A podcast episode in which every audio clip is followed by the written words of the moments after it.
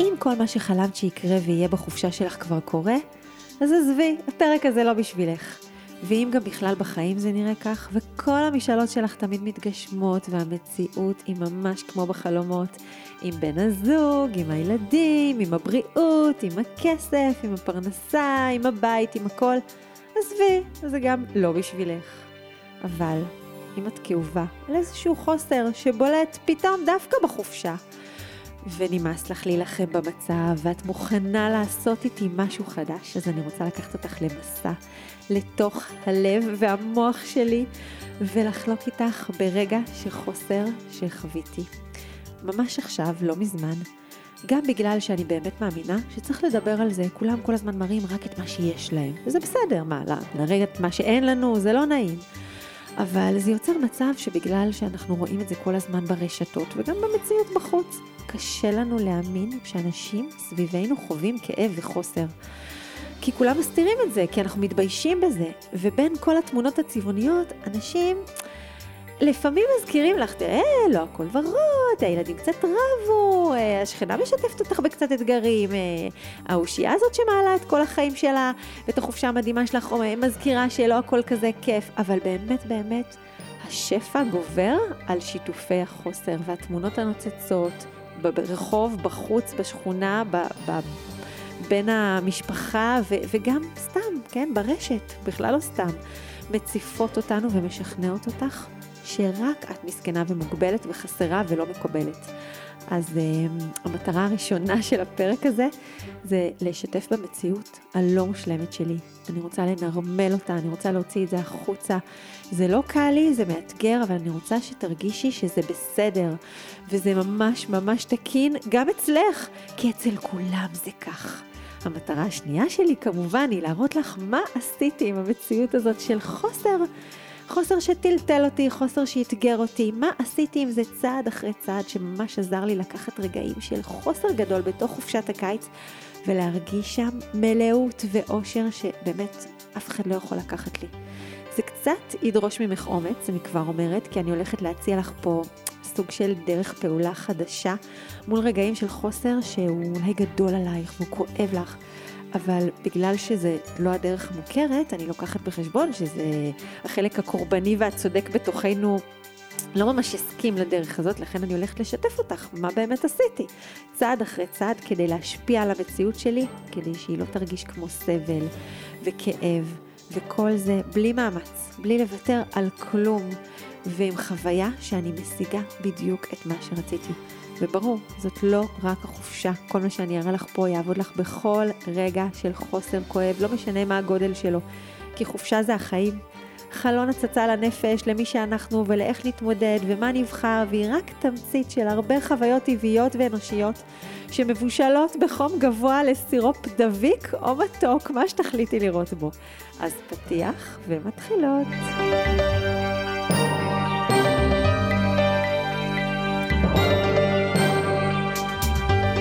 כבר ממגנטת, את כבר מושכת, את כבר משפיעה. את מלאת כריזמה, אפילו שלא נראה לך. יש בך את כל הכוחות והיכולות האלו כבר עכשיו, ככה, מעצם היותך. וגם אם זה לא מרגיש כך, אני רוצה שתדעי ששפע מדהים של שינויים, קשרים ממלאי לב, תוצאות מרגשות, מחכה ממש כאן להיכנס לחיים שלך. ברוכות הבאות לפודקאסט אישה ללא מאמץ. אני שושי זליקוביץ' והמטרה שלי פה היא שכל אישה תדע להתחבר ולחזור לכוח ההשפעה הנשי הקסום הזה שקיים בה, שקצת שכחנו מקיומו בעולם התחרותי, ההישגי, הזכרי ומלא הלחצים שנולדנו אליו. הפודקאסט הזה הוא מרחב שבו בעזרת השם נכיר ונתרגל ביחד דרך חיים שמאפשרת לנו להשיג את מה שאנחנו רוצות בחיים שלנו. אבל עם הרבה יותר הנאה, שמחה, תשוקה שלא נגמרת, ופחות מרדף, פחות סבל, פחות ויתור על עצמנו, פחות שחיקה ועייפות שגורמים לנו להתייאש בדרך. אנחנו פה כדי שנוכל להתנהל מכוח המשיכה הטבעי, הנשי שלנו.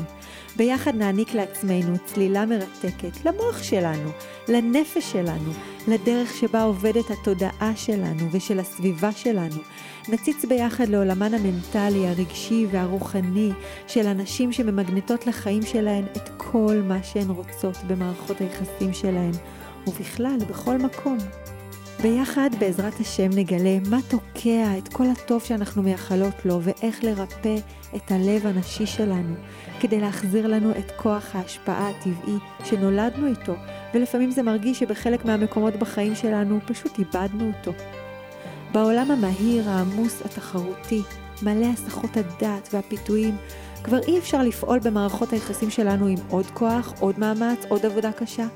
אין לנו גם כך הרבה סיכוי להתחרות על תשומת הלב של יקירינו במרדף אחרי עמידה בעוד ועוד תנאים ובמאמץ להיות הכי טובות. זה חסר סיכוי בזוגיות, זה חסר סיכוי בהורות שלנו, ובכלל בכל עשייה, בקריירה, בחברה, בכל מקום. משהו קורא לנו להפוך את עצמנו למהות של השפעה בדרך אחרת, שגדולה יותר מהמוטיבציה, מהזמן ומהאנרגיה המוגבלים שלנו, ובגלל זה יש לנו משימת חיים מלאת אחריות, להאיר את האישה הממגנטת שבתוכנו. להכיר מחדש את המהות המדהימה הזו, להיות גאות ושלמות בנשיות שבנו, ולהעז לבטא מחדש את כוח ההשפעה שלנו. פחות מתאמצת, יותר ממגנטת. אישה ללא מאמץ, מיד מתחילות.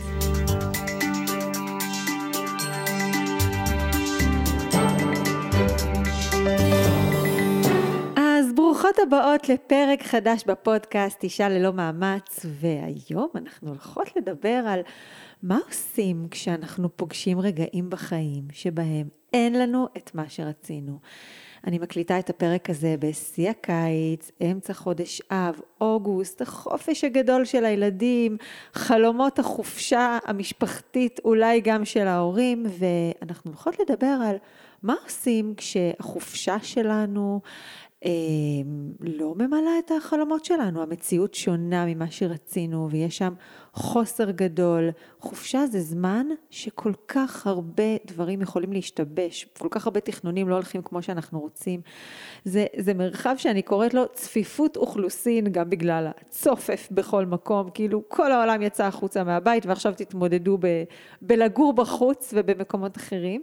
אבל זה לא רק צפיפות אוכלוסין של אנשים, אני חושבת שגם אם נמצא איזה פינה שקטה בעולם, בסופו של דבר תמיד יציאה מהשגרה וזמן כזה שהוא לא השגרה ואנחנו תולים בו כל כך המון אה, ציפיות, הוא צפיפות אוכלוסין של אה, רגשות, של מחשבות, ציפיות בערימות גבוהות יותר מכל ערימות הכביסה והזבל והבלגן שאנחנו מייצרים וחופשה היא משהו שמציף הרבה פעמים אצל הרבה מאיתנו ואני חושבת אפילו שאצל כולנו אה, המון המון אתגרים. אין לנו את מה שאנחנו רוצים תמיד, אולי אנחנו מוגבלים כספית, אנחנו מוגבלים טכנית, לא הכל הולך, הולך כמו שרצינו, אנחנו לא מקבלים תמיד את החוויות המשפחתיות שחלמנו עליהן, רגשית יש המון טריגרים ו...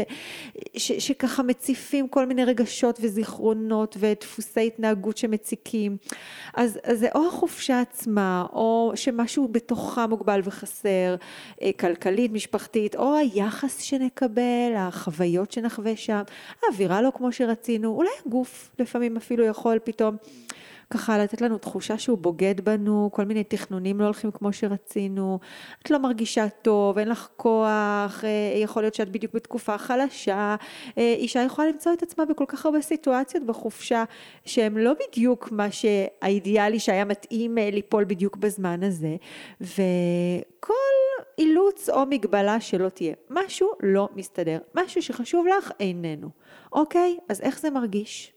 זה צובט בלב, נכון? זה מתסכל, זה מציף ככה המון כאב. אם, אם היינו יכולות להצליח להשפיע על המציאות ולהשיג את מה שאנחנו רוצות, הכל טוב, אבל אנחנו מדברות פה על סיטואציה שבה כביכול אין לנו שליטה על מה שקורה במציאות.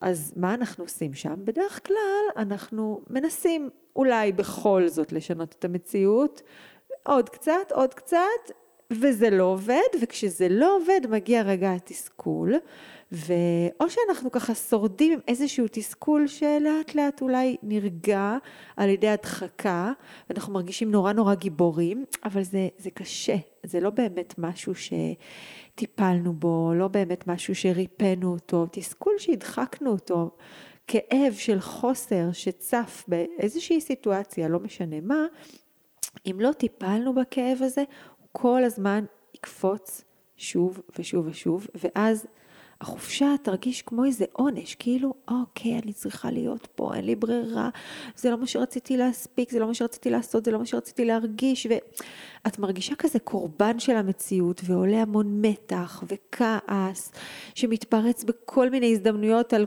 כל מי שסביבך, שהראש שלך איכשהו חיבר אותו כאשם לחוסר שאת חווה, ו- וככה את מתגלגלת בכאב ונע בין כאב לתסכול. והרבה פעמים זה גם מביא למצב שחשוב שנכיר בו, שאנחנו פתאום מסתכלים על אנשים אחרים ואנחנו מקנאים בהם, נכון? הקנאה הזאת. את, את, לא, את לא יכולה להתעלם ממצב שבו את רואה שלאנשים אחרים יש משהו שבדיוק הוא חסר לך ולאנשים יש אותו ונראה לך שלהם יש את זה מאוד בקלות. את החופשה שרצית, את הילדים שרצית, את הזוגיות שרצית, את, ה, אה, אה, את האנרגיה שרצית, את הכסף שרצית, לא משנה מה. ו, ופתאום את ככה מסתכלת, וואי, איך היא מקבלת את היחס שהיא רצתה, ואיזה אווירה יש שם, וכמה אפשרויות יש להם שלי אין, וזה יכול להיות פתאום הבית שלהם, או המקום שבו הם נמצאים. ולהסתכל מהצד על חוויות של אנשים אחרים, תוך כדי שבתוכך שורף לך החוסר הזה, ו- ולהרגיש איך הקנאה משתלטת עלייך, ולנסות להילחם בה או לעודד את עצמך, זה לא, זה סבל. אז בפרק הזה אני רוצה לספר לך על חוסר מסוים שהשנה ממש הרגשתי אותו בצורה מאוד עוצמתית ו, ודווקא בחופשה. ו... ואני רוצה לספר לך באמת על החוויה שלי, ממש לשתף, וגם אה, איך התמודדתי איתה.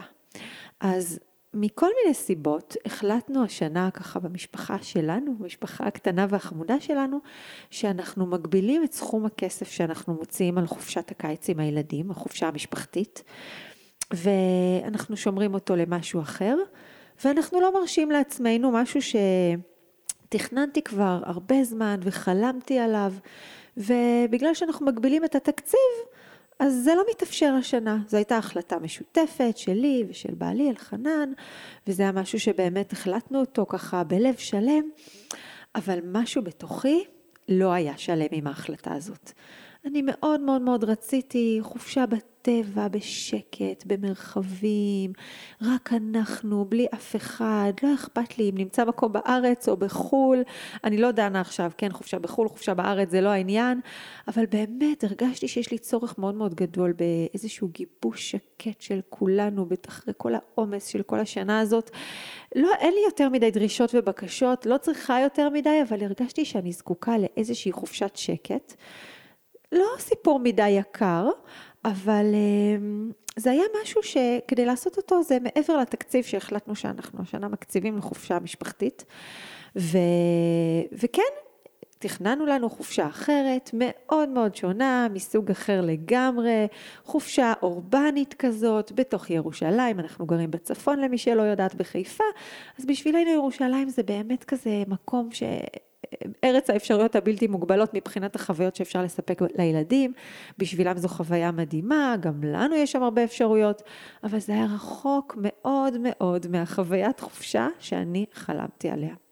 וככה הלכתי ככה עם ההחלטה הזאת. כבר לפני איזה חודש וחצי סגרנו אותה, סידרנו את עצמנו בתוך זה, תכננו את הכל סביב זה, אבל הלכתי עם הדחקה מאוד מאוד גדולה של כאב שהרגשתי, שה... חוסר בחופשה שאני רציתי. מייצר לי, ממש כאב. הדחקתי, הדחקתי, והגעתי ככה לשבוע הזה של תשעה באב, כשפתאום שם צף כל החוסר שלי, אולי זה בגלל שבאמת זה שבוע שהרשיתי לעצמי להרגיש את כל מה שחסר בחיים ואת כל מה שאין, כי זה התפקיד של השבוע הזה, ושל תשעת הימים, והאבל על החורבן, וההבנה שבאמת כשאנחנו מרגישים את החוסר שלנו בחיים, אז אנחנו גם, ומחברים את זה לבית המקדש שחסר לנו, כי כשהוא יהיה לא יחסר כלום, אז אנחנו באמת מתאבלים על בית המקדש, אני מאוד מאמינה בזה, אבל החוסר הזה פתאום הציף לי.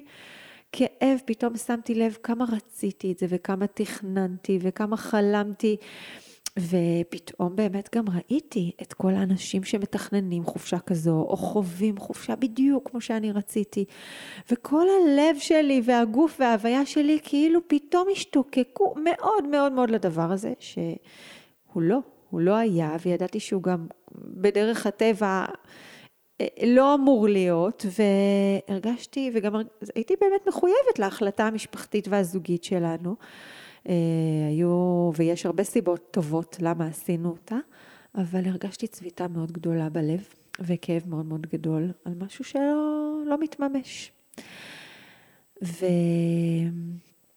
והסתכלתי ככה על הכאב הזה, ואחרי יום כזה שממש הסתובבתי עם דמעות בעיניים, קלטתי שאני בעצם רוצה לקחת את הסיפור הזה ולצאת ממנו גדולה יותר.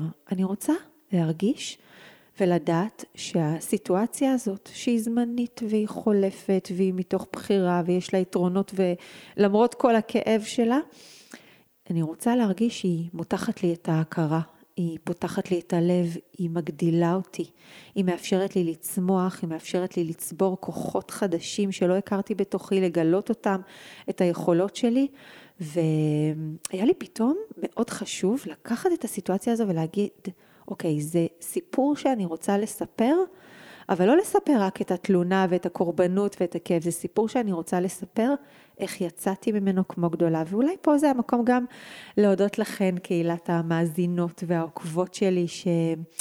אתם כל הזמן ככה בלב שלי ואני מרגישה כמה התפקיד והשליחות הרבה פעמים מחזירים אותי למקום גבוה וגדול ומוציאים אותי מכל מיני מקומות שיכולתי כל כך ליפול לקורבנות ומסכנות, לכל אחד יש את החוסרים שלו בחיים וחשוב לי לדבר עליהם כמו שתמיד אני אומרת, לא, שלא נחשוב שאנשים שאנחנו צופים בהצלחות שלהם או ביכולת שלהם להוביל קהילה, אין להם אתגרים משלהם. אז באמת אה, רוצה להודות לכן שאתן בשבילי המוטיבטור הגדול. אה, לזכור לפעמים שהי, זה סיפור שנועדנו לגדול ממנו ולא רק לשקוע בקורבנות.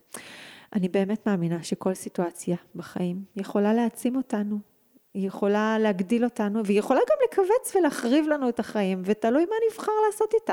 ואם נדאג לעצמנו ולכלים ולידע שעוזר לנו לצמוח, אז נגדל, ואם לא, נשאר נורא נורא קטנים ואומללים, שזה הכי משמעותי. זה לא אני קטנה, אני גדולה, זה לא העניין, זה כמה, איך נחיה את החיים האלה עם מה שיש, ואיך נצא מהם גדולים מהחיים או מכווצים מהחיים. אז אה, אחרי שככה עברתי את המסע שלי עם הסיפור הזה, אולי יותר נכון, אפילו לפני ככה חשבתי על זה שאני ארצה לכתוב לי מה עובר עליי ולתעד אותו ולחלוק אותו. אז אחרי שאני, אני קצת אחרי, אולי עדיין באמצע, אבל באיזשהו מקום אני מרגישה כבר הרבה רוגע עם הסיפור הזה, אני רוצה לחלוק איתכן את הכלים, כי פתאום אמרתי לעצמי, זה כל כך לא רק חופשה. חופשה היא כל כך החיים, היא חלון הצצה קטן ל- ל- לכל מה שאנחנו עוברים בנפש שלנו מול אירועים ו, ומול צרכים שמתמלאים וצרכים ש, שסיפרנו לעצמנו שהם צרכים או שהם באמת צרכים שלנו והם לא מתמלאים. וזה כל כך מקום לבוא וללמוד איך אני יכולה לקחת רגעים שבהם אני לא מקבלת את מה שאני רוצה ועדיין ליצור שם חיים מלאי אושר וסיפוק ואהבה ושמחה פנימית שאף אחד לא יכול לקחת לי וגם איך ההתמודדות הזאת החדשה, האחרת, הבוגרת, היא מחוללת שפע ומשיגה לנו את מה שאנחנו רוצים. אז ממש בא לי לספר לכם בקצרה על אה, כתבתי לי ככה עשרה דברים ועוד אחד עקרונות או נקודות שממש עשיתי עם עצמי, שממש עזרו לי ואני מאמינה שיכולים גם לעזור לכן, לך, לכל אחת ואחת, להירגע, לשמוח למרות החוסר ואולי גם ממש בגללו. להרגיש רגשות שחשבתם שרק אם יתמלאו כל הרצונות שלכם, אז תרגישו ולגלות שזה ממש לא קשור, ממש אמיתי, לא פייק, לא כאילו, לא דמיון. להתהלך בתחושת סיפוק שהיא לא תלויה בתוצאות שאין לנו שליטה עליהן. תוך כדי זה להרגיש שהעלינו את רמת הביטחון העצמי שלנו ואת, ואת השחרור שלנו בחיים ולגלות שכל זה מביא לנו כל כך הרבה שיתוף פעולה מהמשפחה, מהמציאות, מכל מי שסביבנו ואנחנו ממגנטות שפע והרבה הרבה טוב דרך ההתמודדות הזאת. אנחנו נראה ממש איך מתמודדים מנטלית ורגשית, אפילו גם מעשית עם חוסר ואיך מרפאים את הכאב שהוא מביא, כך שמשהו בתוכנו באמת יישאר מלא ושמח באמת. אז יוצאות לדרך, עשר נקודות ועוד אחת, אה, אתן מוזמנות ככה לסכם לעצמכם, אני אשתדל גם לסכם את זה בסוף, אה, ככה לעבור על הרצף כדי שתוכלנה לסכם בקלות, וכל נקודה הכי חשוב לשאול את עצמך, איך אני לוקחת את זה לסיטואציית החוסר שלי, למה שלי אין עכשיו. ואיך אני מתרגלת אותה. אני אשמח כמובן אחר כך לשמוע מה הדבר שלקחתם, לקחתם רק נקודה אחת והיא עזרה לכם, אז זה מבורך, אז תבחרו מה שהכי הכי נכון לכם, ויאללה אחרי כל ההקדמות קדימה. אז דבר ראשון, אני קוראת לשלב הראשון, לגיטימציה בלי לכמת. ממש אה, קריטי שבסיטואציות שבהן אנחנו מרגישים כאב כי חסר לנו משהו, נדע לתת כבוד לכאב שלנו. הלכתי ככה בחיים שלי עם הסיפור הזה, והיה רגע שאפילו כעסתי על עצמי. סליחה, מה את מתלוננת? כאילו, הרבה אנשים היו יכולים, מודים על החופשה שלך שאת יצרת לעצמך, שאת יכולה להרשות לעצמך בירושלים. תראי כמה יש לך, תראי כמה החיים שלך מלאים יש, ויופי, וטוב, ושפע, שלכל כך הרבה אנשים אין. מה את מתלוננת? והדחקתי את זה והקטנתי את הכאב וכאילו לא, נתן לי, לא נתתי לו רשות להיכנס או להיות. כאילו כל הזמן בעטתי בו החוצה. ואז הבנתי שזה לא עובד כך. כי הוא כל הזמן קפץ ודפק לי בדלת ובעט בי, ובעט בי בחזרה. והבנתי שאני רוצה לתת לו מקום. וממש ממש עצרתי רגע את ההתנהלות הראשונית ועשיתי סוויץ' בהסתכלות והחלטתי שאני נותנת מקום לעצב, לאבל הזה, כמו ילדה קטנה שהיא עצובה ואין לה משהו והיא עכשיו צריכה אה, לבנות לה מחדש את האני בלי מה שחשבתי שיהיה לי. נתתי מקום לאכזבה שצפה כל הזמן. וזה היה לתת מקום של לגיטימציה, בלי שיפוטיות, בלי בהלה מהכאב הזה, בלי לנסות, בואי נהיה בפרופורציות, הלב שלי רוצה משהו, וזה בסדר. הלב שלי לא רואה עכשיו על מה להודות, וזה בסדר. והלב שלי לא רואה מה שיש, וזה בסדר. ומותר לו, זה כואב, אז זאת המציאות. אני לא יכולה לשפוט את זה מתוך הבנה שככל שנותנים מקום לכאב, כך הוא מתרפא יותר מהר, הוא משתחרר, הוא נעלם, והרגש פשוט מתפוגג. ובעיניי זה נורא חשוב שנזכור שאין חוסר גדול או חוסר קטן, כאב מוצדק, כאב לא מוצדק. זה כואב וזה כואב, נקודה. ומה שאת מרגישה זה כואב, ולכאב הזה יש כבוד בלי היגיון. אולי בהזדמנות אני ככה ארחיב לכם כמה זה חשוב שלא ניתן לא נכמת כאבים, לא, לא ניתן להם ציון אם זה בסדר, אם זה מוצדק, אם זה לא מוצדק, אם זה בכאילו, זה לא בכאילו. זה כל כך מאפשר לנו ריפוי כשאנחנו באים ממקום כזה ולא שופטים את הכאב של עצמנו, וכמובן זה גם מזכיר לנו לא לשפוט כאב של אחרים. ככל שאנחנו יודעות לתת מקום של לגיטימציה מלאה, בלי כמות, בלי ציון, בלי הצדקה, בלי צורך בהצדקה לכאב שלנו, אנחנו גם יכולות לאפשר את זה לסביבה שלנו וליצור מרחב שיש מקום לרגשות. זה ריפוי מדהים למשפחה שלנו, לילדים שלנו, לחיים שלנו. אה, נושא לשיחה עמוקה יותר בהזדמנות אחרת, אבל אני יכולה להגיד לכם שזה דבר שקודם כל ממש הרגיע אותי. כאילו הילדה הקטנה שבתוכי קיבלה חיבוק ונרגעה. ואז עברתי לשלב הבא, אני חייבת להגיד שזה לא בדיוק עברתי לפי איזה צ'קליסט כזה, כי זה באמת כלים שנמצאים בתוכי והם כל הזמן רוכשים וגועשים ונמצאים שם, ו- ו- ו- וכשמתרגלים את זה אז כל כלי מגיע ברגע הנכון, אבל אני כן עושה לכם את זה כמו system התמודדות עם כאב של חוסר, כי אני חושבת שזה כתוב כמו פרוטוקול, זה יכול להישלף מתי שצריך. אז עברתי, זה היה סוג של מעבר טבעי, ואולי באמת זה, זה יוצר מעברים טבעיים, כי כשאנחנו מסוגלים לתת מקום לכאב שלנו, אז פתאום אפשר לעבור לשלב בוגר יותר. ואז שאלתי את עצמי, אה, עברתי לשלב שאני קוראת לו מה הסיפור שלי. מה עושים בשלב הזה? ממש שאלתי את עצמי, שושי, למה זה חסר לך? מה הסיפור שלך? זה, זה לזכור שכשכואב לי משהו, זה לא הסיטואציה בחוץ. צף לי איזשהו סיפור פנימי. זה לא עכשיו כואב לי כי כל מי שרצה חופשה אין לו, ואין לו אותה אז הוא מאוכזב, אוקיי? וזה לא כל אישה צריכה חופשה שקטה בטבע, באיזה חור עם המשפחה שלה, אה, בלי שום הפרעה, ו, וכל אדם היה שמח בזה, ומי שאין לו את זה הוא עצוב, אוקיי? זה לא חוסר אוניברסלי. אני לא אומללה או קורבן של המציאות. זה, זה, זה, זה סיפור שלי. וכשאני מסתכלת על זה ככה שיש לי איזשהו סיפור פנימי שיצר את הכאב, אז אני פחות מתקרבנת. זה לא, המציאות עשתה לי משהו רע. זה לא, זה מוצדק, כי באמת זה נורא ואיום. לא, יש כאן איזה סיפור שלי, וזה מחבר אותנו גם למקום הקודם, של אם זה סיפור שלי וזה כואב לי, אז מותר שזה יכאב לי גם אם זה משהו שלא מכאיב לאף אחד בכדור הארץ, אוקיי? וזה כואב כי זה שלי.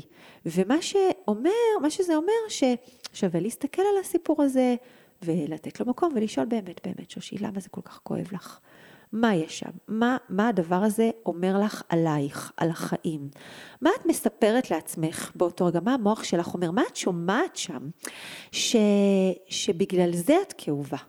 אוקיי? אז אולי אני שומעת, אני מוגבלת ואני לא סובלת מגבלות, אולי אני שומעת, אה, יש לי חלומות והם לא מתגשמים ואין לי סבלנות, או אני מתקדמת מדי לאט לחלומות שלי, וזה מה שמכאיב לי. לי. וכשמסתכלים על הסיפור, אז פתאום רואים שהוא לא מנהל אותך רק במקום המסוים הזה, הוא נמצא בעוד מקומות. ו... ואם נסתכל עליו, אז הוא מאבד קצת מהכוח שלו, וזה יהיה משהו שיאפשר ריפוי בעוד מקומות שהסיפור הזה תוקע אותנו בחיים וגורם לנו מתח ולחץ ו... והימנעות מכל מיני חוויות, או מרדף אחרי כל מיני חוויות ופחדים. אז זה באמת היה זיהוי שהחוסר הזה הוא חוסר לאגו, היה שם מקום לתדמית שלי, לערך שלי, אה, תחושת חוסר יכולת שהורידה לי מהערך, וזה היה סיפור לחקור אותו והזדמנות מהממת שפתאום הרגשתי שאני מצליחה לתת לעצמי לחקור עוד פחד שמאיים על הערך העצמי שלי ולהגיע דרך החקירה והגילוי, וגילוי מייצר שינוי לחיבור לערך עצמי שהוא פחות תלותי. אנחנו כל כך רוצים להרגיש עצמאים בנפש ולא תלותיים במה שקורה בחוץ בחיים שלנו. ובסוף זה קורה באמת מהרגעים האלה שאנחנו לוקחים סיטואציה שבה משהו מטלטל אותנו, ואנחנו לא מתמודדים כמו האדם שרצינו להתמודד, ואנחנו שואלים, מה, מה שמעתי שם? מה אני שומעת שם? מה מנהל אותי? לא הסיטואציה, זה משהו בתוכי. ו, ואנחנו לאט לאט מבינים שהחוסר שכל כך מאיים עלינו הוא לא הדבר שקרה בחוץ, אלא משהו שקורה בפנים, שמגדיר את הערך שלנו רק בתנאי ש... יקרו כל מיני דברים בחוץ, וכשאנחנו נרגעים, אז הערך פתאום פחות תלוי. אז בהזדמנות, אולי נדבר על זה עוד קצת, איך בתהליכי האימון שלנו אנחנו חוקרים סיפור כזה ומגיעים איתו לריפוי, ואז בונים את הערך העצמי, אבל עכשיו רק ממש חשוב לי להניח את זה של לתת מקום להקשיב פנימה. לדעת שלפעמים אנחנו, או לא לפעמים, אפילו בדרך כלל, אנחנו לא רוצים משהו מסוים בחיים מבחוץ. אנחנו רוצים להרגיש משהו כדי להרגיש ערך עצמי, והסיפור מבחוץ מספק לנו את זה. וזה בסדר, אבל חשוב להכיר בזה כי זה מוציא אותנו גם מתחושת הקורבנות והמסכנות. אוקיי? זה הסיפור שלי, זה לא המציאות בחוץ. אוקיי? נעבור לדבר השלישי ששמתי לב שקרה לי. שפתאום התעוררתי, ואני לא יודעת מה, כן, מה הסדר הנכון, מספרתי פה זה מ-1 עד 10, אבל יכול להיות שזה יהיה נכון למישהי לעשות את זה דבר ראשון. אז לי זה ככה הגיע ב, ברצף הכרונולוגי, בשלב השלישי, שפתאום אה, אני קראתי לזה להגיד תודה על המתנה. פתאום החלטתי שאני רוצה להודות על האימון הזה, לא רק להגיד מראש, אוקיי, אני הולכת לצאת ממנו גדולה, אלא פתאום התחלתי להרגיש שמשהו מתחיל ככה להתרחש ולפעפע פה בתוכי בזכות החוסר הזה, ו- והרגשתי שאני רוצה ככה להרים עיניים לקדוש ברוך הוא ולהגיד לו, וואו, השם, תודה, אתה שלחת לי אימון בול, בול בשבילי. אני רואה באימון הזה שפע, אני רואה בחוסר הזה מתנה. זה ממש אה, תוכנית עבודה מדויקת בדיוק למה שהנפש שלי כנראה צריכה. אז אני מוכנה לראות בסיטואציה הזאת בכלל שפע ולא חוסר. ואני הולכת לעשות ממנו מטעמים.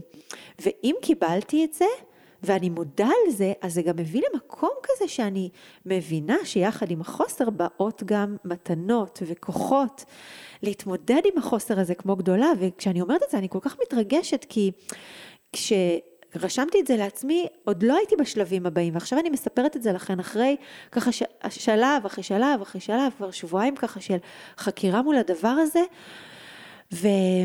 ואני אומרת, וואו, באמת באמת קיבלתי כוחות להתמודד עם זה. לא ידעתי שיהיו לי כוחות ברגע הראשון, אבל כשאנחנו מוכנים להיפתח לזה שסיטואציה מסוימת היא מתנה והיא שפע, אז, אז היא באמת באה כמו שפע, ויחד איתם גם נפתחים כוחות. אז זהו, זה הקטע של רק להגיד תודה. יש חוסר, יש כאב, להתאמן, להסתכל עליו ולהגיד, אני לא יודעת, אין לי מושג איך זה הולך להיות שפע, זה נראה לי רק כאב אחד גדול, אבל אני רוצה להתחבר למקום הזה בתוכי שמאמין שזאת מתנה וזה נועד לטובתי המיוחדת והמדויקת ולדרך שלי ולהתפתחות האישית שמישהו מלמעלה מוביל אותי בה, כי הוא המאמן הכי טוב שלי ויודע מה הכי מדויק לי. אז זה השלב השלישי.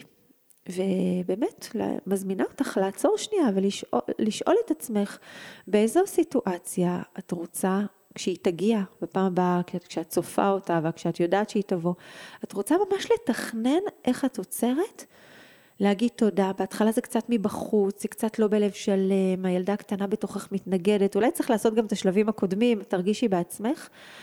ואת, אבל את מתכננת, אני הולכת להגיד תודה, אני הולכת להודות שם, אין לי מושג, אולי אפילו להגיד מזמור לתודה מתוך משהו חיצוני שיסחוף אותי, מתוך ידיעה שהדבר שה, החיצוני הזה גם סוחף פנימית לאמונה ולתחושה ולחיבור לחוויה של תודה. אנחנו עוברות לשלב הבא, שלב רביעי, שאני קוראת לו לבקש, לבקש, לבקש, לבקש. ובשלב הזה באמת אה, ממש אה, גייסתי את התפילה וגם את האמונה במקום הזה, ואמרתי, שנייה, שנייה, אני חווה פה איזשהו חוסר, והקדוש ברוך הוא בורא את כל הנפשות עם החסרונות שלהם, אבל הוא גם בורא, הוא כל יכול, והוא בורא שפע מאוד מאוד גדול בעולם, לא חסר משהו בעולם. אז אולי, אולי זה רגע שבסך הכל כל מה שאני צריכה זה להתפלל ולבקש. ואמרתי כזה, רגע, בורא עולם, אם כל מה שצריך כדי שהחופשה שאני רציתי תתקיים עכשיו או ביום מן הימים, זה שאני אקום ואתפלל על זה, או אשב להתפלל על זה, אז אני כאן. אז אני מבקשת. אז פשוט התיישבתי רגע לבקש איזו חופשה אני רוצה, ומה יהיה בה בדיוק, וירדתי לפרטי פרטים, ודמיינתי אותה, וביקשתי אותה. זה, זה, זה, הייתה, זה היה רגע כזה של החלטה, שזה שיעור בשבילי להסכים לבקש יותר, להתפלל על כל דבר, גם משהו שחשבתי שהוא בשליטתי ושאני יכולה לעשות אותו, ו, ו, ולדעת שכל מה שחסר לי זו רגע קריאה של, היי, את לא אמורה להסתדר לבד, לא, זה, זה, החיים הם מלאי שפע, אבל יש מישהו שמביא לך את השפע הזה, ואם משהו לא מסתדר אז תרימי עיניים. עכשיו, אולי התפילה הזאת תתקבל ואולי היא לא, אבל זה הזמנה להתחבר להשם, כי תפילה היא לא רק מקום לפתוח ברזים של שפע, זה לא רק כספומט שאת מכניסה ומקבלת, זה גם להיפת... להתחבר לברזים האלה, להתחבר לקדוש ברוך הוא, גם אם עכשיו לא תקבלי, אבל להתחברת, זכרת שהוא קיים בחיים שלך, זכרת שהוא הכל ושהוא מספק את הכל. ו... וממש אה, ניצלתי ככה את החוויה הזאת לאיזושהי תחושת חיבור של אני מוכנה לפתוח את הלב ולבקש ולהסכים גם שהבקשה שלי לא תתמלא, להסכים שהבקשה שלי היא אמצעי לחיבור לבורא עולם ולחיבור למקום הרוחני הזה. אחר כך ממש הרגשתי שהמיומנות הזאת שתרגלתי אה, ותיעדתי אותה אז, ממש ככה לפני זה, כבר היה לפני יותר משבוע וחצי, ממש הרגשתי, עכשיו אני יכולה לספר את זה במבט לאחור וזה מדהים, איך היא ליוותה אותי וקפצה לי לאורך כל הדרך. זה לא שכל רגע הייתי בחיבור לתפילה וכל היום מלמלתי תפילות והתפללתי שלוש תפילות ביום ופרקי תהילים, ממש ממש לא, אבל בחופשה שלנו בירושלים, בשבוע האחרון, הרבה הרבה הרבה יותר זכרתי מאי פעם. ברגעים כאלה שדברים לא עבדו ולא הסתדרו, דברים קטנים או דברים גדולים, לעצור שנייה ולבקש, היי, השם, השם, תעשה שהילד הזה יירדם, תעשה רגע שיהיה לי כוח, תעשה שיהיה לי סבלנות, תעשה שהמתח הזה ישתחרר לי, תעשה שתהיה לי יותר אה, אהבה וסבלנות לכולם, תעשה שיגיע לילדים האוטובוס שהם מחכים לו, שתיפתר הבעיה הזאת והזאת והזאת. לפעמים דברים הסתדרו על המקום, וזה היה ממש ממש מתוק וכיף לקבל את זה, ולפעמים לא, אבל זה כאילו מראש באתי ממקום של, אה, זאת תזכורת ש... להתחבר, זה הכל. ולדעת שלא הכל עלייך, את לא צריכה לסדר ולפתור את כל הבעיות. תרימי עיניים, לפני שאת מרימה את הידיים. תרימי פשוט עיניים לשמיים. אה, זהו, אז זה ממש, אה, ברגע שהכנסתי את זה לסיסטם, זה פתאום מתרגלים לזה, וזה קורה יותר ויותר, וזה כל כך ממלא עונג וכיף וחיבור, וגם אה, מביא שפע, כל כך המון דברים טובים הגיעו ברגעים האלה של אחרי תפילה. מה שחשוב זה כן לעצור ולפעמים ולראות שהי, תראי איך הכל יסתדר, את זוכרת? כמה דקות לפני זה את ביקשת, תחברי רגע את הדבר הזה, זה לא אומר שתמיד שתבקשי זה יקרה, אבל, אבל ידעת לבקש, תודי גם להודות. אז זה היה לגבי לבקש. אז... זה ממש ממש חיזק אותי ואני חושבת שזה משהו ששווה לזכור אותו, כי חוסר הוא לפעמים פשוט מתנה להתאמן על תפילה. השלב החמישי היה אה, לבקש לא רק את מילוי החוסר שלי, קראתי לו לבקש כוחות, במובן הכי פשוט של העניין. הבטחתי שממש עצרתי ככה והבטחתי לעצמי שאני אני פתוחה לקבל כוח והעצמה להתמודד עם מה שקורה לי ועם מה שיהיה. ממש אמרתי, השם, אני צריכה כוח. לא משנה מה תבחר לעשות בשבילנו, כי אתה יודע מה הכי טוב לנו, אבל שאני ארגיש שיש לי כוח להתמודד. זה ממש מרגש אותי לספר את זה, כי שוב, תיעדתי את זה לפני, ופתאום אני מספרת לכם את זה אחרי, ואני אומרת, וואו, פתאום אני חווה את זה ככה במבט מהסוף להתחלה, וזה ממש מהסוף, מהשלב בו אני נמצאת עכשיו לאחורה, כן? וזה היה ממש שלב שאמרתי, אני באה פתוחה. אני מבקשת כוח, אבל אני גם פתוחה לכוח, אז אולי צריך לקרוא לשלב הזה פתוחה לקבל מתנות של כוחות, ולא היה לי מושג, באמת לא היה לי מושג מה ייתן לי כוח, מה יחזק אותי, מה ישמח אותי בתוך החוסר הזה. ואמרתי, אני מבקשת, ו- אבל אני כאילו פותחת אנטנה כזאת שקולטת מסרים או רעיונות או דברים או מראות או חוויות שמעניקות לי כוח. וברגע שכאילו החלטתי להיות פתוחה לכל מיני אפילו סימנים כאלה של כוח, זה היה ממש מדהים להרגיש איך פתאום קרו מלא מלא דברים שממש מילאו אותי רוחנית ורגשית ומנטלית ושינו לי את ההסתכלות ו- ו- והרגשתי שמרפאים לי את חוויית החוסר אונים הזאת שאיתה התחלתי את החופשה, את, ה- את הבין הזמנים הזה של אחרי פסח והילדים וכל מה שכאילו התנהל פתאום כל כך אחרת ממה שרציתי. אז בהתחלה הייתי צריכה קצת להתאמן על זה, כאילו כל הזמן הזכרתי לעצמי, תחפשי, מה ייתן לך כוח? תפתחי איזה ספר שאת יודעת שתמיד עוזר לך, תגידי פרק תהילים, תמיד יש שם את המילים הנכונות, תבקשי כוח, תפעילי אנטנות, תקשיבי לעולם. ופתאום באמת הרגשתי שאני מתהלכת כמו עם אנטנה, פתאום אני מתפללת 18 וקופצות לי כאלה מילים שאף פעם לא שמתי אליהם, והרגשתי שהן ממלאות אותי כוח. פתאום קראתי בסטורי איזה מילה של מישהו כתב, והרגשתי שזה פותח לי את הלב, לדעת שמה שצריך יגיע ברגע הנכון, ושמחכה לי שפע מאוד מאוד גדול כדי לספק לי כל חלום ברגע הנכון. ו... פתאום הילד שלי אמר איזה מילה ואמרתי, מה? מה אמרת? זה בדיוק מה שהייתי צריכה לשמוע, אני אפילו לא זוכרת מה זה היה, אבל הייתי ככה בהלם איך מילים מתוקות של ילדים קטנים יכולות להיות תשובות לכל מיני כאבים שלנו. ופתאום כל מה שהיה לי בספק לגבי איך אני יכולה להתמודד, הרגיש לי כל כך אפשרי וכל כך אופטימי, אה, וכל מיני דברים קטנים כאלה הסתדרו.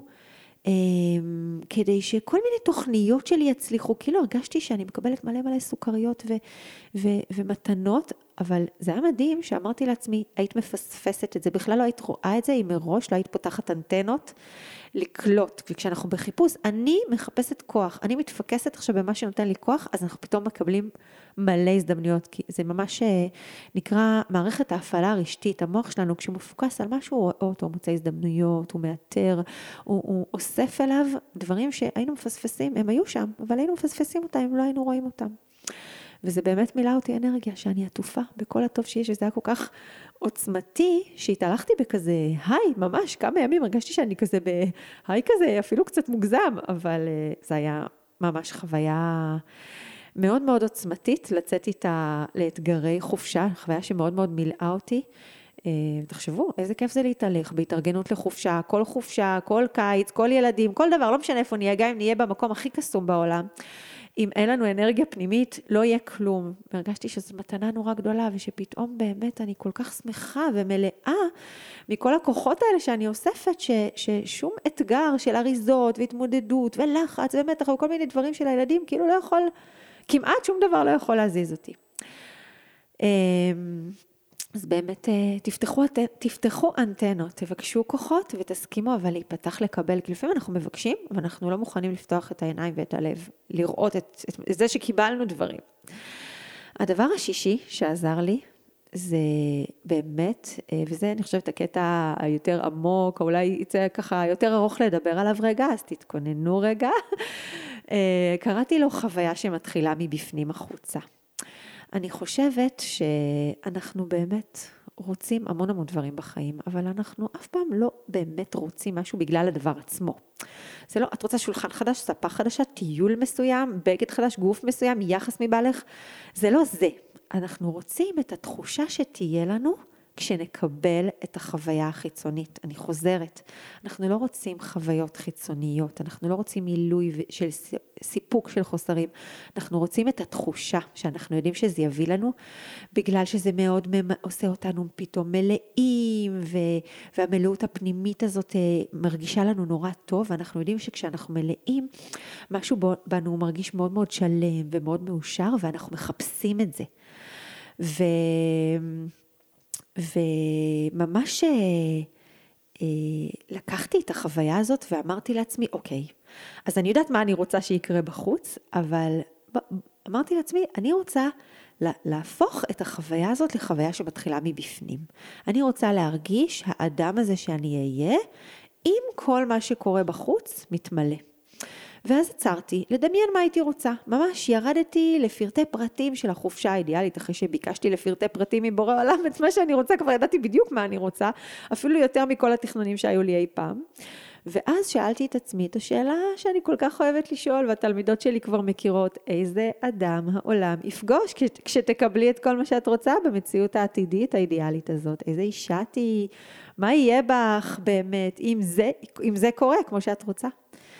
ואז אה, שמתי לב שאני מחפשת וצמאה לאיזושהי מסגרת שהתמונה האידיאלית של החופשה האידיאלית תאפשר לי. אני צמאה להרגיש אישה שיכולה להרשות לעצמה להאט, והאישה הזאת בחופשה האידיאלית המושלמת הזאת שדמיינתי, היא מאוד שמה לב לפרטים, והיא נושמת יותר, והיא עושה כל מיני מעשים קטנים והיא נהנית מהם. ואמרתי לעצמי, אם רק הייתה לי החופשה הזאת, אז הייתי יכולה להקשיב יותר לילדים ולהיות יותר סבלנית לילדים כפי שהם, גם למצ... לכל מצב רוח שהם מביאים ולעצבנות שלהם. הילדים שלי בלי עין הרע, יש להם הרבה הרבה אנרגיות. אמ, ואני אהיה אישה כזאת, ראיתי את עצמי אישה שמקבלת את עצמי ונינוחה, אה, והנינוחות הזאת מביאה אותי, ראיתי את עצמי ממש אוכלת בנחת, כותבת יותר, מבטאה את עצמי ביותר חופש מול המשפחה ובכלל, אה, אולי גם יוצרת יותר תכנים שמבטאים אותי בחופש. וראיתי את עצמי ככה מתכנסת עם המשפחה ומתנתקת מהעולם ולא צופה בשום דבר. ו... ושמחה מאוד מאוד בחיים שלי, ולא צופה בכלל בחיים של אנשים אחרים, גם ככה אני משתדלת לא לעשות את זה, אבל לא מתפתה בכלל. ראיתי את עצמי נותנת לעצמי יותר מנוחה, ישנה בשקט, כאילו אין מחר, ושמה לב לאימונים שלי, עושה אותם ביותר תשומת לב, ובנחת, ובהילוך איטי, ריצה בהילוך איטי, כן? אה, יותר בפוקוס, ישנה בשעה מוקדמת. ואז פתאום קלטתי משהו מדהים, שממש אה, תשעה באב הביא אותי לקלוט אותו. ואני אספר רגע, אני עוצרת רגע לספר איזושהי תובנה מדהימה שהייתה לי בתשעה באב אחר הצהריים. אולי ראיתם את זה בסטורי שלי, אולי לא, אבל uh, למי שככה עוקבת, שפתאום הביא אותי גם להבנה מאוד גדולה לגבי החופשה הזאת. בתשעה באב, ככה דיברתי עם עצמי הרבה, על, אחרי כל הדיבור על העצב והאבל והחורבן, על הגאולה. ואמרתי לעצמי, וואו, בואו נדמיין, אמרתי לעצמי, דמייני מה זאת גאולה בשבילך. אם בית המקדש נבנה, אומר, מילוי כל חסרונך בחיים, אז איך נראית גאולה? וישבתי ככה ממש לכתוב לי טקסט על איך אני ארגיש בתפיסה הקטנה שלי, שברור לי שהיא פיצית, כלום לעומת תפיסת גאולה שאנחנו לא יכולים אפילו לקלוט אותה, כן? אבל מה, מה לעשות, אנחנו צריכים לעשות את העבודה בשכל המוגבל שלנו, וחשבתי ככה על הגאולה, ואז אה, הבנתי ש... ו... וציירתי ככה את כל הציור של הגאולה, וזה מאוד מאוד ריגש אותי. זה באמת גרם לי ככה להרגיש וואי, אני, אני ממש רוצה שהגאולה הזאת תבוא, כי לפעמים בתוך החיים שלנו, שיש לנו כל כך הרבה הכל, והכל כזה ממלא ומספק, אנחנו לא ממש מצפים, מה, מה יש שם בגאולה? רק כשאנחנו מסבירים לעצמנו שיש שם את כל העונג שאנחנו רוצים, פתאום בא לנו, וממש התרגשתי מזה. ואז ככה, לפני השקיעה, בתשעה באב, לקראת סוף הצום, פתאום הסתכלתי עוד פעם על מה שכתבתי, ואמרתי, אימא'לה, אני ממש כתבתי כל מיני דברים שאנחנו נרגיש כשתבוא הגאולה, ומה יקרה לנו, ומה יהיה לנו, ואמרתי לעצמי, שנייה רגע, אפשר שנייה להפוך את הסדר? יכול להיות שאפשר להתחיל להרגיש את הגאולה הזאת כבר עכשיו? וקלטתי שאני, כל דבר שכתבתי שם ברשימה, אני יכולה להתאמן להתחיל לעשות אותו היום. להיות את זה, לא רק לחשוב שזה יהיה יום אחד. אם אני חושבת שגאולה זה יהיה מקום שאנחנו נתהלך מאוד מאוד רגועים ומאוד סומכים ומאוד מאמינים ומאוד שלמים ומאוד שמחים למשל, אז, אז אפשר להתחיל לנסות להיכנס לווייב הזה כבר היום, להוויה הזאת כבר עכשיו, או לפחות לשאוף אליה או לתכנן מה יכול לעזור לי להיות בה. ואפשר לחיות את זה עכשיו, וזה נורא ריגש אותי. ואז פתאום קלטתי שאת כל השפע הזה, אה, אני יכולה גם, את ההבנה הזו אני יכולה גם לקחת לתוך הצורך שלי מול החופשה. רגע, אם מאוד ברור לי איזה אדם אני אהיה בחופשה ואיך אני אתפקד, אז אני יכולה כבר עכשיו, בדיוק כמו מול הגאולה, להיכנס לתודעת חופשה מושלמת. אם חופשה זה נינוחות, שנייה, שנייה, תנשמי רגע את הנינוחות הזאת. ואם זה שקט, אז את יכולה שנייה להקשיב לשקט בתוכך. ואם זה חופש להרשות לעצמי להקדיש זמן לבריאות שלי, אז אפשר עכשיו להכין ארוחת בוקר בריאה כאילו את במרחב הכי קסום של הטבע שרצית להיות. ואז ממש בתשומת לב כזאת נתתי לעצמי יותר, יותר להרגיש חוויה של השושי בחופשה. תוך כדי מוצאי תשעה באב, כביסות, התארגנות לשבת, תכנונים של החופשה הנוכחית, אה, בלאגן בבית, רעש, לחץ, מלא משימות שחיכו לי ככה לאחרי תשעת הימים. ואני ככה אומרת לעצמי, וואו, אני רוצה להיות בתודעת חופשה. פתאום שמתי לב שבאמת זה אפשרי, אני יכולה לנוח יותר ממה שתכננתי, אני יכולה קצת לעבוד בהילוך יותר איטי, אני יכולה להחליט שאני נהנית, לא משנה מה אני עושה. אני עכשיו מכניסה כביסה למכונה, כאילו אני עכשיו במקום הכי קסום בעולם מכניסה כביסה למכונת כביסה שם, ב- בלב מאושר כזה ושמח, כי זה לא סתם המכונת כביסה שלי באמבטיה. Uh, פתאום הרגשתי שאני ממש נכנסת למוד הזה וזה הרחיב לי את הלב. וזה עשה לי כל כך טוב, זה השפיע עליי פיזית, זה, זה כאילו פתח לי ככה את ההשראה, והתהלכתי כזה עם חיוך, אה, תקשיבו, אני בבית שלי, הוא לא רע, הבית שלי לא מסכן, ואני לא מתלוננת, אבל כאילו הרגשתי נורא כזה מוגבלת, שאני לא יכולה לנסוע, ו... כן, הבנתם? ואני מתהלכת שם, ואני ב vibe, אני בחופשה. אכלתי אחרת, בישלתי אחרת לשבת, כיבסתי אחרת, סידרתי אחרת, רצתי אחרת, התאמנתי אחרת. זה, זה ממש היה להיכנס לאווירה. אפילו מצאתי את עצמי ככה פתאום אומרת, וואו, בא לי לראות אנשים בחופשה. פתאום הקנאה הזאת שפחדתי ממנה, שאם אני אראה חיים של אנשים אחרים, היא תשתלט עליי, וזה יצבות לי בלב, אמרתי, בוא, בוא נסתכל על אנשים אחרים שחופשים, אולי זה ייתן לי השראה. אני אכנס איתם לאווירה, זה לא ממלא קינה, זה ממלא השראה, הרגשתי ממש שזה דבר ממש מבורך. ונכנסתי לשבת בתחושה של שבת, חופשה של החיים. הרשיתי לעצמי דברים ככה בנחת, וזה היה מדהים, לא הספקתי פחות, הספקתי הרבה יותר, הגענו בנחת, באהבה, באנרגיה טובה, ב... לשבת הזאת, שבת, אה, אה, נו, ברכה לי המילה, שבת נחמו, אה, באמת בנחמה מאוד מאוד גדולה. אז זה היה לגבי לחיות את ההווה ואת החוויות שלנו מבפנים, לגזור אותם מהעתיד, להביא אותם כבר עכשיו, ובאמת תשאלי את עצמך, מה אני רוצה לקבל? מה אני רוצה שיהיה בחיים שלי ואיננו, ואיך אני אהיה כשזה יהיה, ואיך אני יכולה להיות האישה הזאת כבר עכשיו, קצת, קצת, קצת לנסות, לא בכוח, לא להיאבק בעצמך. להיכנס לאווירה, כאילו לעטות עלייך את הגלימה הזאת ולשחק אותה. המשחק הזה בסוף חודר גם פנימה. אנחנו מגיעות לחלק השביעי, ואני קוראת לו החלק הפרקטי. כי הוא באמת קצת יותר מעשי. ישבתי שמה והקדשתי זמן רגע לדמיין את החופשה, כמו שראיתן, שמעתן שכבר עשיתי, אה, סיפרתי, ואז שאלתי את עצמי עוד שאלה שהיא יותר פרקטית. אמרתי לעצמי, רגע, מה יש שם בחופשה שכל כך ממלא אותך? בחופשה האידיאלית והמדומיינת שלך, במציאות הזאת שאין לך, מה יש שם שאין לך? וממש אה, שאלתי את עצמי, איך בכל זאת את יכולה לקחת חלק מהחוויות האלה, שאת כל כך רוצה אותן, את מרגישה שאת צריכה אותן אפילו, ולספק אותן, אותן לעצמך תוך כדי הקיץ הזה, ולא לוותר עליהן. אם הן דרושות לך, אז אולי את יכולה לעשות מיני, מיני מהם, ולמצוא אותן קרובות ונגישות, כאילו, זה לא הכל או כלום. אוקיי, אז אין לי את החופשה שרציתי, טוב, אז אני עכשיו הולכת למשהו הפוך לגמרי, ואני מתאבלת על זה שאין לי כלום. שאלתי את עצמי, מה בחופשה האידיאלית הזאת מספק לי את הצורך הרגשי והנפשי או המנטלי שלי להתאווררות ולריפוי ולשחרור. אז תראה רשימה קטנה, זה הנוף, זה יותר מגע עם מים בטבע, זה פינוקים לגוף, זה מנוחה טובה, כל מיני תנועה מסוגים שונים שמרחב כזה מאפשר, זמן עם הילדים ללא הפרעות, אה, ממש עשיתי לי רשימות, אה, יש יותר שקט, אני יוצרת ליהנות מהשקט, יש אוכל מזין. כי, כי תכננתי שככה זה מה שאוכלים בחופשה כזאת. יש יותר הרפאיות, מדיטציות, כתיבה, אני מתפללת יותר בנחת, יש לנו זמן זוגי שקט.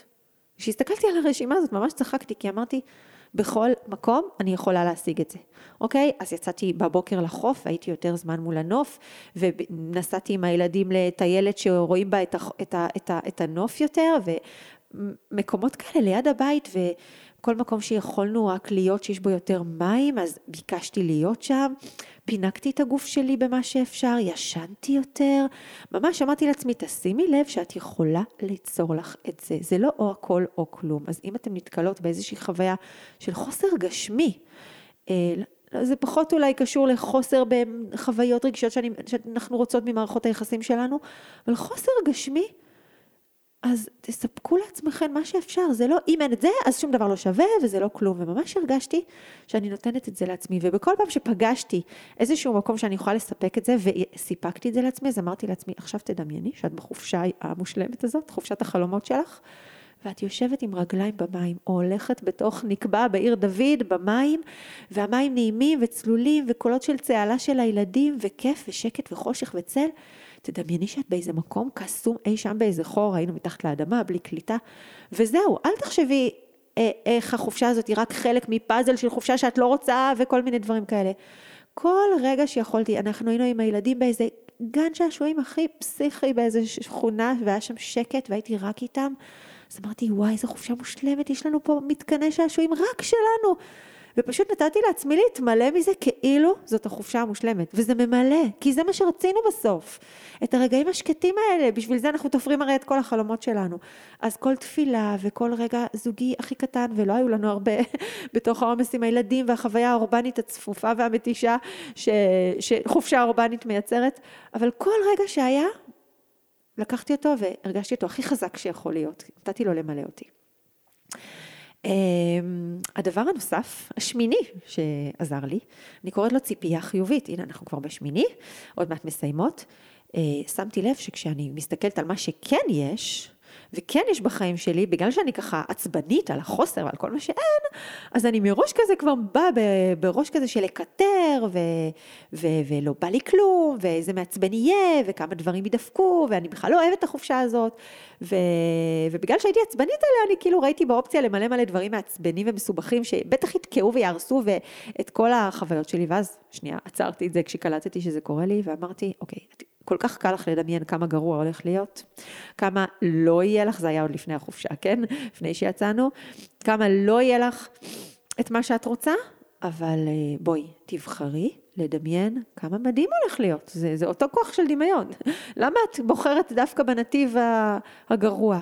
תדמייני כמה מדהים הולך להיות. אני מאוד מאמינה שלדמיונות שלנו ולצפי שלנו יש כוח מאוד גדול. אנחנו ממש אה, מנבאים כל הזמן נבואות שמגשימות עצמם, כן, גם לגבי הילדים, גם לגבי הבריאות שלנו, גם לגבי בן הזוג, כמובן, גם לגבי המצב הכלכלי שלנו, הדברים הטכניים, הכל, הכל.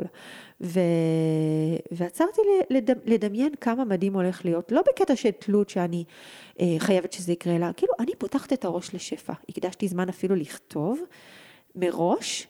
איזה, איזו חופשה מדהימה תהיה לנו בירושלים. התפרעתי קצת, הוספתי, אה, ממש ככה אמרתי, וואלה, אה, זה מה שדמיינתי, אפשר עוד להתפרע? תבקשי עוד. שמתי עוד רעיונות, מה עוד בא לי, מה עוד בא לי, הולך להיות מדהים, כן, וממש דמיינתי איך זה קורה, ואיך הכל הולך להסתדר מדהים. המון המון דברים מזה. עכשיו במבט לאחור אני יכולה להגיד לכם שממש התרחשו.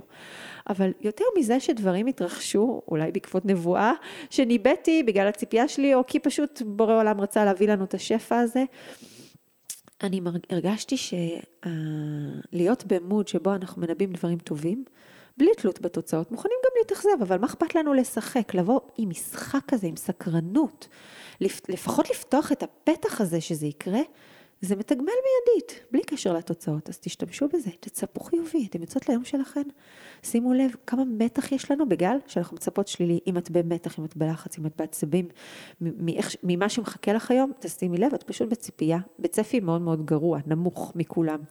אז תהיי בצפי גבוה, זאת לא ציפייה כמו שאנחנו רגילים להגיד אותה. אני מצפה ש... בדרך כלל כשאנחנו אומרים, אני מצפה שתתנהג ככה זה, אני רוצה, אבל אני יודעת שזה לא יקרה. אוקיי, אז אני מדברת על צפי, אוקיי, כמו צופה שיושב במגדל. אה, לאישה יש כוח, אגב, באמת, אה, כוח של צפי. אה, שבאמת משפיע על המציאות. על אישה נאמר צופיה הליכות ביתה באשת חיל.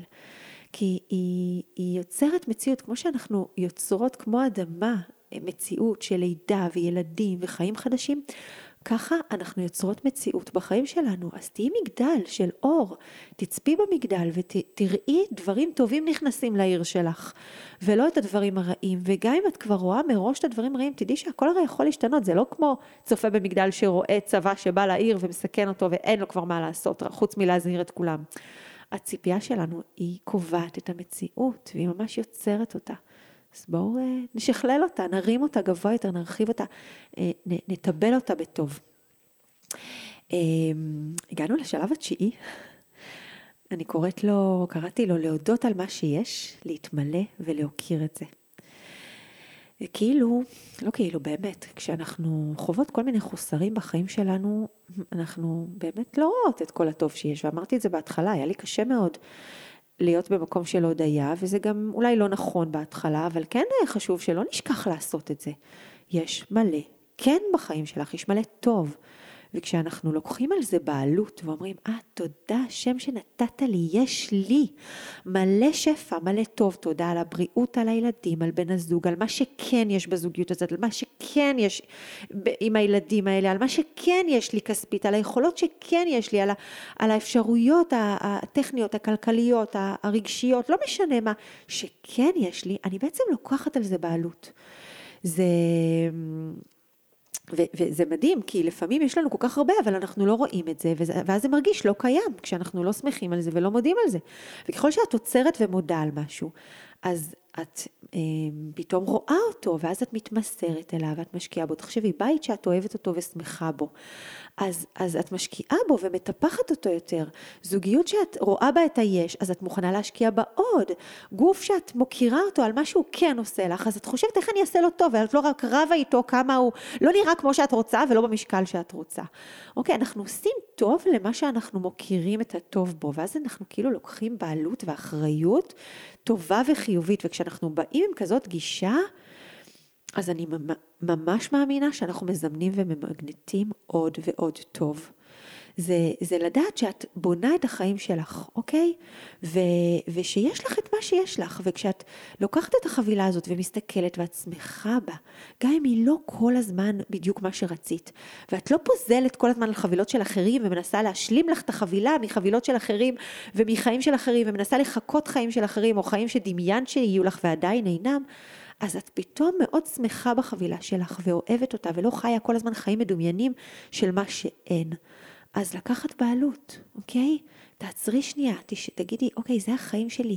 איך אני יכולה יותר לשמוח בהם אם אני אראה ואספור ואמנה ו... ואשים לב לכל הטוב שכן יש. ואז פתאום את מרגישה של וואלה, החיים שלי שווים, ואת לא מסתכלת בתחושת, מסתובבת בתחושת עליבות כזאת, שלכולם יש ורק לי אין. וואו, הגענו לדבר העשירי, אני קוראת לו רכבת הרים רגשית. אה, כשהתחלתי את המסע הזה לפני שבועיים, של להתמודד עם החוסר בחופשה האידיאלית שלי, לא, לא ידעתי שזה יהיה, אבל תוך כדי ראיתי שזה ממש קורה, כי התחלתי בהיי מאוד גדול ואמרתי, זהו, אני פתרתי את הסיפור הזה. זהו, עכשיו נוסעים, איזה כיף, נסיעה חלקה, נסיעה טובה שתהיה, יצאתי לחופשה, התמודדתי, ביי, זה מאחוריי. צריך לזכור שכאב שפגש אותנו, הוא יפגוש אותנו בעוד מקומות, והוא ספירלי. הוא חוזר על עצמו. החיים כל הזמן מחזירים אותנו לכל מיני נקודות של דברים שכואבים וחסרים, כי כנראה אנחנו צריכים להעמיק את העבודה ואת הריפוי ואת היכולת שם ברובד אחר, ממקום גבוה יותר. ו... לכן אני קוראת לזה גם ספירלי, כי את כאילו פוגשת את אותה חוויה, ממש מעל החוויה הישנה, אבל את כבר לא נמצאת באותו מקום, כבר טיפסת בספירלה למעלה, יש לך כוחות אחרים. ומה שאני רוצה להגיד בזה, זה שלא משנה לאן תיקחי את מה שאמרתי עכשיו, גם אם זה עזר לך מאוד, תזכרי, שכמה שאני אגיד לך וכמה שאת תתרגלי, אם את תיפגשי אה, בחוסר הזה, ו... וגם אם תתמודדי איתו, את... יש מצב שתיפגשי בו שוב. ואת תפגשי את עצמך פתאום שוב נופלת, שוב כאובה, שוב מתוסכלת. אז תזכרי את זה שזה זה לא משהו חד פעמי לעשות, זה לא טקס שאת יושבת עכשיו שעה, כותבת את כל מה שאמרתי, מתאמנת, מתרגלת, זה יחזיק מעמד, זה ירפא רובד מסוים, ואז יהיו שוב רגעים שיציפו את החוסר הזה. ושוב יצוף קושי, ושוב תצטרכי תזכורת, אבל היופי הוא שאם יש לך system, איך קמים משם, אז תמיד אפשר לקום. וכשיש סדר, יש לאן לחזור. יש לך center משלך, שאת כבר הרגשת איך הוא ריפא אותך, אז את בוטחת בתחושת המסוגלות שלך ובשפע של הכוחות שיש לך, שקיבלת מבורא עולם, לחזור ולהמשיך לרפא. אז מה שחשוב זה שבאמת אה, אה, לא תיבהלי מהנפילות, כי ממש היו רגעים שאמרתי, רגע, מה, כל מה שעשיתי לא היה שווה, אה, מה, מה קורה פה? שוב זה כואב לי, מאיפה זה בא עכשיו? אז אמרתי, אה לא, אני כבר מתמודדת אחרת, אני נופלת אחרת, אני, הנפילה יותר קצרה, אני מסתכלת עליה אחרת, אני יודעת מה לעשות שם, אני גם קמה אחרת, וכמה פחות פצועה וחבולה ממה שזה היה יכול להיות אם לא הייתי מכינה את עצמי, אז תתכונני לנפילות. וזה מביא אותנו לעוד עיקרון, אחרון חביב, שבעצם לא משנה איפה תמצאי את עצמך, בחופשה הגדולה, בכל מקום בחיים שבו את חווה חוסר, אמ, בכל רגע, בכל עומס, זה כל כך חשוב שתאפשרי לעצמך זמנים שהם של שקט ושל כוח בשבילך כדי להיות בהשראה והתרוממות מתוך הכאב. בגלל שכל כך קל להישאב לתוך עשייה, עשייה, עשייה, גם בחיים עצמם, וקל וחומר בזמני חופשה של הילדים, שהכל נורא אינטנסיבי, ואין לך יותר מדי זמן להיות עם עצמך, ו, וזה מביא אותנו לעיקרון נוסף ככה, בונוס שאני רוצה להגיד לך, אה, אני קוראת לו להרים רחפן ולהסתכל עלייך מלמעלה, מבחוץ. לדעת לצאת רגע, ממש ברמה טכנית, מכל המיקסר של כל הרעש של כולם. לדעת ליצור לעצמך זמני שקט, זמנים שאת לבד, שאת רק עם עצמך, שאת אה, אפילו עדיף עם מחברת, עם דף ועט, אולי עם שקט במיטה, אבל בלי להירדם, כן? גם להירדם זה חשוב, אבל אני מדברת עכשיו על זמנים של ערות ושקט שהם רק שלך, ו- ו- ולדאוג שיהיה לך את הזמנים האלה לבד. ליצור מצב שלא משנה איפה את נמצאת, את יודעת בכל מקום לשלוף את עצמך רגע מהמיקסר של כולם, ו... והבלו בלו בלו בלו הזה שלא נגמר, ולנשום שנייה, בלי הסחות דעת, לשים את הטלפון בצד, לעצור שנייה את כל הכאוס והבלגן, להסתכל מהצד שנייה על מה שלומך, ועל מי שאת.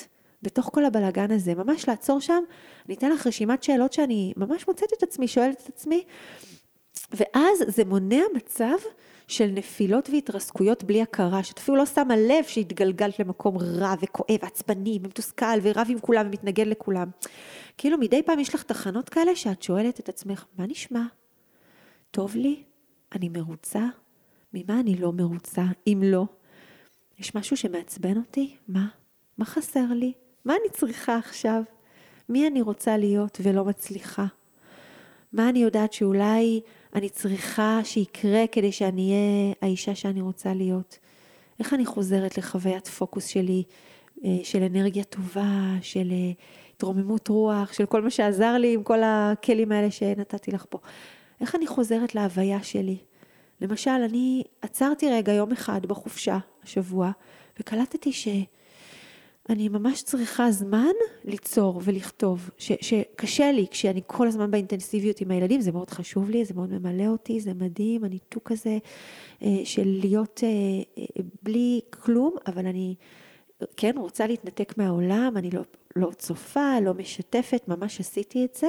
אבל אני כן צריכה את הזמן יצירה שלי.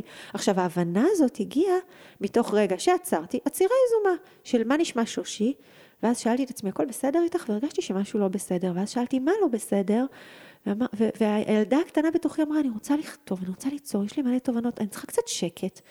אז אמרתי לכולם, אוקיי, ביי, הלכתי למסעדה לבד, פינקתי את עצמי בסלט, ישבתי עם המחשב ועם הטלפון, ופשוט יצרתי וכתבתי, וזה כל כך מילא אותי. כאילו זה מה שהייתי צריכה, אבל זה לא, לא הייתי קולטת את זה אם לא הייתי עוצרת לשאול מה שלומי, וקולטת שזה חסר לי.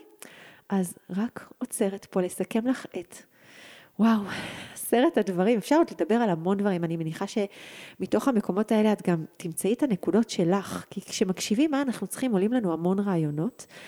אמ, אני מסכמת שנייה כדי שיהיה לכם סיכום של כל עשרת המתנות האלה שעוזרות לנו להתמודד עם חוסר בחופשה ובחיים, כי חופשה זה החיים.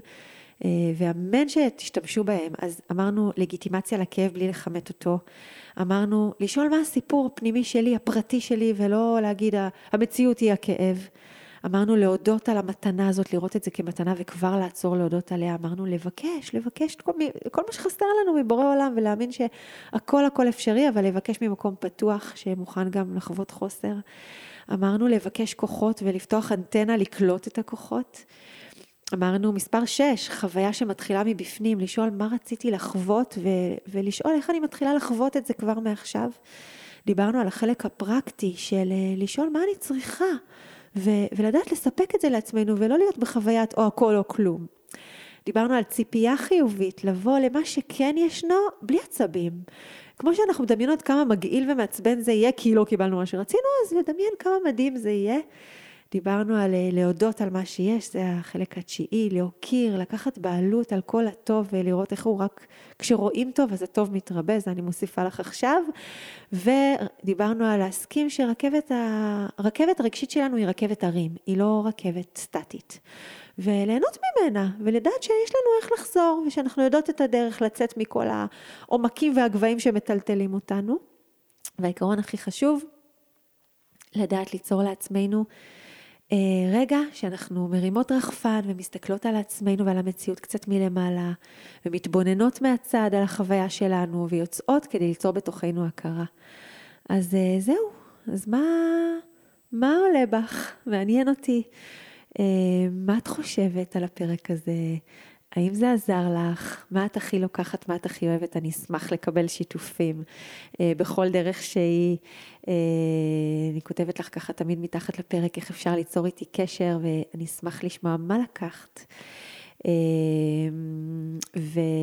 ומעניין אותי גם אה, לתת לך ככה נקודה למחשבה, שתחשבי מה הקשר בין דרך ההתמודדות הזאת שאני מציעה פה. לבין התוצאות שהיא מביאה לנו. לא סיפרתי מה קרה בחופשה, אה, איך הרגשתי, אה, על כל מיני דברים טובים שקרו, על חוויות משותפות, מרגשות, ועל כל מיני תוצאות שהתרחשו. אני גם מאמינה שעוד מלא דברים יקרו מתוך תודעת השפע הזאת, אבל אני רוצה באמת שתחשבי מה הקשר בין ההתמודדות הבריאה הזאת לבין התוצאות שרצינו להשיג בחיים, ואיך ההתמודדות הזאת משפיעה על התוצאות ועל השפע. אולי לא בדרך שרצינו, אולי בדרך אחרת, אבל באמת תחשבי רגע עד כמה את מאמינה שהדרך שבה את מקבלת את החוסר, היא תשפיע גם על המילוי שלו. את זה אני משאירה לכם רגע לחשוב בעצמכם, נרחיב על זה בהזדמנות, כי זה אחת התגליות המרתקות של חיי, שהן חלק בלתי נפרד מתהליכי האמון שלנו. ו... ובאמת חשוב לזכור שזה לא רק החופשה, זה פשוט עכשיו יותר כואב ויותר חד, וזה זמן טוב לדבר על חוסרים, והחופשה שלי היא סתם דוגמה כדי להדגים לך את הסיפור הזה, זה באמת חוויה אמיתית מאוד, ש... שממנה הכל צמח, אבל זה רק דוגמה קטנה שלי, את תספרי את הדוגמאות שלך. אה, וכי, כי באמת בחופש הכל יותר חי ויותר בועט בנקודות רגישות ואי אפשר להתעלם וטוב שכך. אבל זה החיים בעצמם. וחופשה היא שיקוף קטן, היא, חלון הצצה באמת מאוד אה, קטן כזה למי שאנחנו באמת בחיים. איך שאנחנו מתמודדות בחיים וכל השנה, ככה אנחנו מתמודדות בחופשה שלנו. אז עכשיו נשאר לך רק לבחור אתגר של חוסר בחופשה, להסתער עליו עם הסיסטם הזה, כי זה באמת החיים בעצמם, ולנסות לתרגל עליו, שעליו, אחרי שעליו את הצעדים האלו, עד שאת תרגישי שאת יוצאת מזה באמת גדולה, גדולה מהחיים. ואם אהבת, כמובן, אני תמיד מבקשת, תשתפי את הפרק הזה לכל מי שאת מכירה ואוהבת ורוצה שהיא תרגיש טוב והיא תרפא את הכאב שלה. וניפגש בפרק הבא. תודה שהייתם כאן.